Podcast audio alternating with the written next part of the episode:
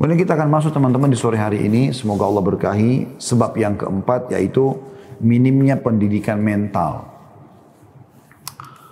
Kata penulis saya bacakan dulu, yang saya maksudkan dengan pendidikan mental di sini adalah didikan seseorang kepada dirinya sendiri, di mana ia mendidik dirinya serta mengarahkannya kepada ajaran atau arahan syar'i atau agama yang benar, yang sesuai dengan tujuan diciptakannya manusia. Oleh karena itu manusia dituntut untuk mensucikan dan mendidik dirinya. Sebagaimana Allah berfirman yang maha suci dan maha pemurah dalam surah Asy-Syams ayat 9 sampai ayat 10. A'udzu billahi minasyaitonir rajim. Qad aflaha man zakkaha wa qad khaba man dassaha. Sungguh beruntunglah orang-orang yang mensucikan jiwa itu dan sungguh merugilah orang-orang yang mengotorinya. Mensucikan jiwa adalah dengan melakukan ketaatan kepada Tuhannya Allah subhanahu wa ta'ala. Dan mengotori jiwa adalah dengan melanggar atau bermaksiat kepada Allah subhanahu wa ta'ala. Pendidikan mental kepribadian adalah tuntutan mendesak atau tuntutan yang mendesak yang harus dilakukan oleh setiap pribadi yang hendak bersifat konsisten. Karena jiwa manusia adalah bagikan binatang. Jika engkau melepas tali kekangnya, maka binatang itu akan membuatmu kewalahan. Bahkan akan membuatmu binasa. Sedangkan jika engkau dapat mengekang binatang itu dengan tali kekangnya, maka engkau akan dapat mengatur serta mengendalikannya sekehendakmu. Orang yang melalaikan dirinya dan mengabaikan pendidikannya, maka engkau akan mendapati bahwa orang itu selalu dalam keadaan bingung, gelisah, tidak memiliki pedoman, tidak tenang, serta tidak memiliki kekuatan dan bersifat dalam bersifat konsisten. Maksudnya istiqamah ya. Dan sulit bagimu untuk menjumpai seseorang yang mendidik dirinya dengan pendidikan yang serius. Khususnya di zaman ini di mana teladan sudah menjadi langka. Sementara ombak tipu daya dan fitnah di tengah kehidupan ini semakin besar datang kepada kita secara tiba-tiba dengan segala sesuatu yang baru. Keadaan seperti ini akan menenggelamkan sikap konsisten seseorang yang minim didikan jiwanya. Dan di bawah ini akan disebutkan beberapa sarana yang dapat membantu Anda dalam mendidik jiwa Anda. Garis bawahi poin dari semua paragraf yang saya bacakan yaitu mendidik mental atau jiwa dibiasakan agar patuh kepada Allah Subhanahu wa taala. Karena memang tujuan kita diciptakan kan untuk itu. Dalam surah Az-Zariyat Allah Subhanahu wa taala berfirman, "A'udzu billahi minasyaitonir rajim, wa ma khalaqtul jinna wal insa illa liya'budun." Aku tidak ciptakan jin dan manusia. Keberadaan kita ada di muka bumi ini, kata Allah, jin dan manusia semuanya kecuali untuk menyembah kepadaku. Apa makna sembah? Tunduk, patuh, ya. Menjalankan perintah, meninggalkan larangan. Itu tujuan kita ada di muka bumi ini. Jadi bukan untuk justru berlalai-lalai, Justru melanggar sampai apalagi sampai memungkiri sampai pencipta Allah. Ini sudah luar biasa ngelantur gitu ya. Karena memang la ilaha illallah, tidak ada pencipta kecuali Allah Subhanahu wa taala. Oleh karena itu teman-teman sekalian, kita harus di sini tanda kutip bukan pilihan tapi kewajiban membawa diri kita kepada arus syariat Allah Subhanahu wa taala. Kita tidak akan makan, tidak akan minum, tidak akan berpakaian, tidak akan bergaul, tidak akan bekerja, tidak akan apa pun kecuali yang Allah bolehkan dan kita tidak akan pernah melakukan melanggar apa yang Allah larang. Kalau anda lakukan itu maka anda punya mental dan jiwa yang sangat kuat karena anda sedang berpegang pada tali Allah atau hubungan sama Allah Subhanahu wa taala ya. Jadi Allah Subhanahu wa taala mengatakan faqad istamsaka bil urwatil bil urwatil wuthqa lam Orang yang beriman kepada Allah lalu dia jalankan syariat Allah Subhanahu wa taala meninggalkan larangannya maka mereka telah berpegang pada tali buhul yang sangat kokoh yang tidak akan pernah putus selamanya. Teman-teman dari sisi lain juga, kalau anda sudah fahami poin ini, bahwasanya anda wajib bukan pilihan untuk membawa diri anda kepada syariat Allah, karena itu tujuan kita diciptakan, dan akhirnya iman kita akan terus bertambah tentunya. Juga teman-teman, dalam mengerjakan ibadah ini, anda harus ya, jadikan dua hal sebagai sayap supaya bisa terbang, ya, meningkat, menukik. Yang pertama adalah supaya bisa terbang sayap ini, ya, Anda harusnya membaca keutamaannya. tahu dulu ibadah yang saya kerjakan ini dapat apa sih kalau saya kerjakan. Ya, seperti itu. Jadi baca keutamaan dalam bahasa agama kita fadilahnya. Sayap yang kedua yaitu Anda harus paksakan. Paksakan. Nggak bisa dip, kalau nggak dipaksain nggak mungkin. Harus dipaksakan. Karena jiwa kita ini ada kecenderungan pada malas, cenderungan pada maksiat. Syaitan menunggangi itu.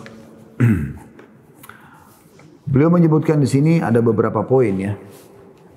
Yang pertama, yang harus dilakukan agar bisa istiqomah dan konsisten di atas keimanan.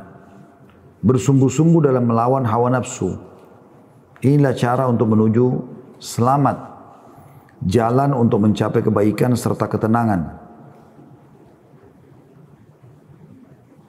Allah subhanahu wa ta'ala berfirman dalam surah Al-Ankabut ayat 69 A'udhu billahi minasyaitonir rajim Walladzina jahadu fina lanahdiyannahum subulana dan orang-orang yang berjihad untuk mencari keridhaan kami, maka kami akan benar-benar menunjukkan atau tunjukkan kepada mereka jalan-jalan kami.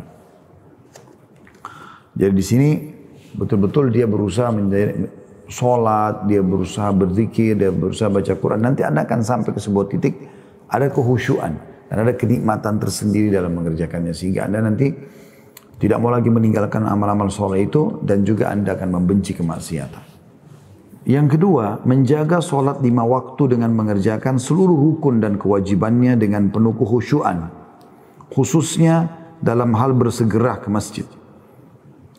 Adalah merupakan satu aib jika kamu dapati orang yang konsisten beragama terbiasa berada pada saf yang terakhir atau saf sebelum yang terakhir. Lalu ia mengaku sebagai orang yang konsisten.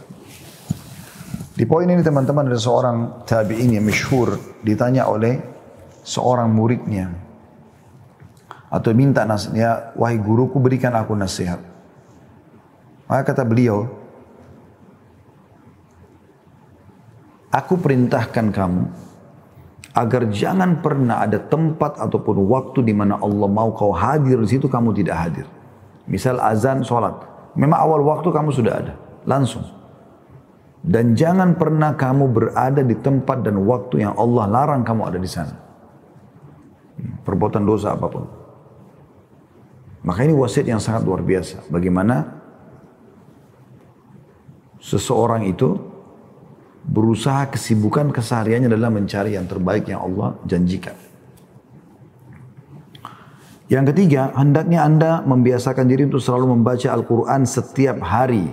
Minimal satu juz. Hingga Anda dapat mengkhatam bacaan Al-Quran pada setiap bulan. Nah ini nanti teman-teman kalau kita sudah biasakan, insya Allah, maka nanti akan uh, volumenya itu akan meningkat sendiri. Misalnya Anda serat, satu bulan nih, satu bulan lagi. Maka nanti Anda akan mundur sebulan bisa dua kali. Sebulan bahkan bisa tiga kali gitu kan. Kalau sebulan dua kali berarti per 15 hari Anda khatam. Nanti akan mundur. Sebulan tiga kali berarti per 10 hari Anda khatam. Nanti bisa mundur. Sebulan bisa enam kali berarti per lima hari Anda khatam. Ya. Seperti itulah.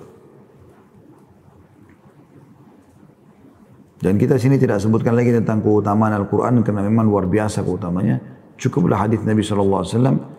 Ikra'ul Qur'ana fa innahu ya'ti syafi'an di ahli yawmul qiyamah. Bacalah selalu Al-Quran karena dia akan jadi penolong bagi pembacanya pada hari kiamat. Yang keempat, melaksanakan sholat malam. Demi Allah. Sesungguhnya inilah madrasah Muhammadiyah atau lembaga dalam kurung lembaga pendidikan Nabi Muhammad SAW yang telah melahirkan orang-orang besar para pelaku kemuliaan dan merupakan ciri para salihin dan kemuliaan seorang mukmin. Hendaknya engkau menekuninya walaupun hanya melakukan dua rakaat sebelum tiba waktu sholat subuh. Alhamdulillah kita sekarang berada di bulan Ramadan bulan di mana kita diperintahkan untuk sholat tarawih. Ya. Dan sholat tarawih adalah sholat malam yang dimajukan. Agar minimal seseorang di antara kita yang belum pernah sholat malam selama 11 bulan, maka dia akan sholat sekarang. Seperti itulah. Jadi minimal dalam satu tahun ada satu bulan di Ramadan itu full dengan sholat, sholat malam. Tentu tujuannya adalah selain Anda tercatat memiliki sholat malam, juga Anda secara otomatis ya selama Ramadan sebulan ini terbiasa mengerjakan ibadah-ibadah itu. Sehingga tidak ada alasan untuk meninggalkan sholat malam setelah Ramadan. Tidak ada alasan untuk tidak puasa sunnah setelah Ramadan. Nggak ada alasan untuk tidak baca Quran setelah Ramadan. Nggak ada alasan untuk tidak bersedekah setelah Ramadan. Karena memang kita sudah dilatih untuk mengerjakan itu selama Ramadan. Yang yang kelima, banyak melakukan amalan-amalan sunnah seperti sedekah dan berpuasa sunnah. Kepada dua hal ini adalah karena kedua amalan ini atau dua hal ini adalah perbuatan yang paling dicintai Allah setelah ibadah wajib.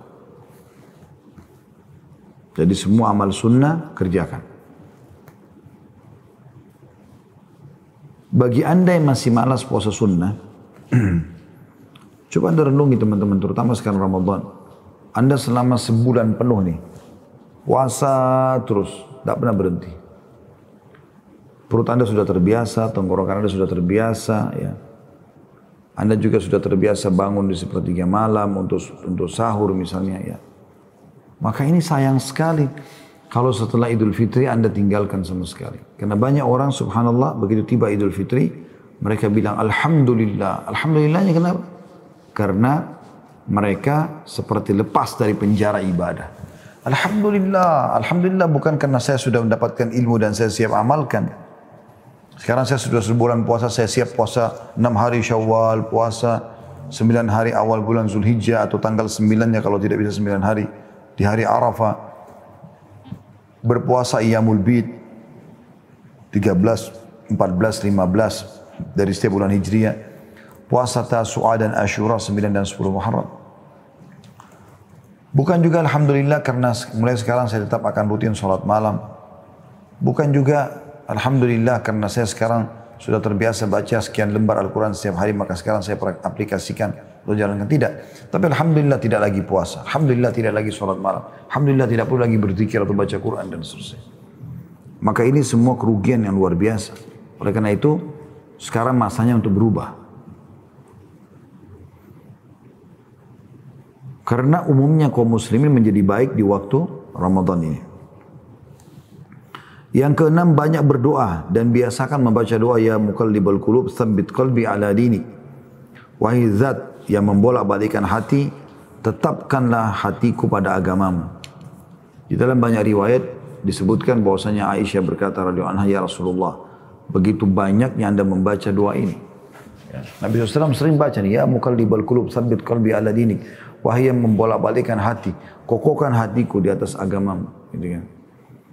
Di sini teman-teman sekalian, kokohkan hatiku di atas ya agamamu dan kita minta supaya tidak boleh balikan hati. Waktu Aisyah tanya, ya Rasulullah, kenapa anda banyak sekali baca doa ini? Kata Nabi SAW, iya Aisyah. Bagaimana saya tidak membacanya sementara hati seseorang itu berada di tangan Allah atau jari-jari Allah yang Allah membolak-balikkan ya, sesuai dengan dia inginkan. Makanya ulama mengatakan Kalau seseorang itu terbiasa, uh, kalau seseorang itu terbiasa mengerjakan sebuah ibadah dan dia rutinkan, maka akan lahir ya rasa cinta dan suka untuk mengerjakannya. Tapi kalau dia malas, maka secara otomatis juga dia akan terus terpuruk dan tidak akan mengerjakan ibadah tersebut. Kata beliau, dan ini tentu ulama juga mengatakan, makanya kalau ada orang Allah mudahkan dia untuk melakukan ibadah tertutup, misalnya mengucapkan istighfar, astagfirullah misalnya. Maka itu adalah gambaran kalau Allah menginginkan dia diterima taubatnya. Kalau anda sempat bersedekah berarti Allah ingin menambahkan rezeki buat anda. Anda berdoa berarti Allah memang ingin kabulkan doa tersebut. Seperti itu. Jadi jangan disia-siakan. Lalu kata beliau dan memohonlah kepadanya untuk memperbaharui iman dalam hatimu. Inilah beberapa sarana yang dapat membantu Anda untuk mendidik jiwa Anda.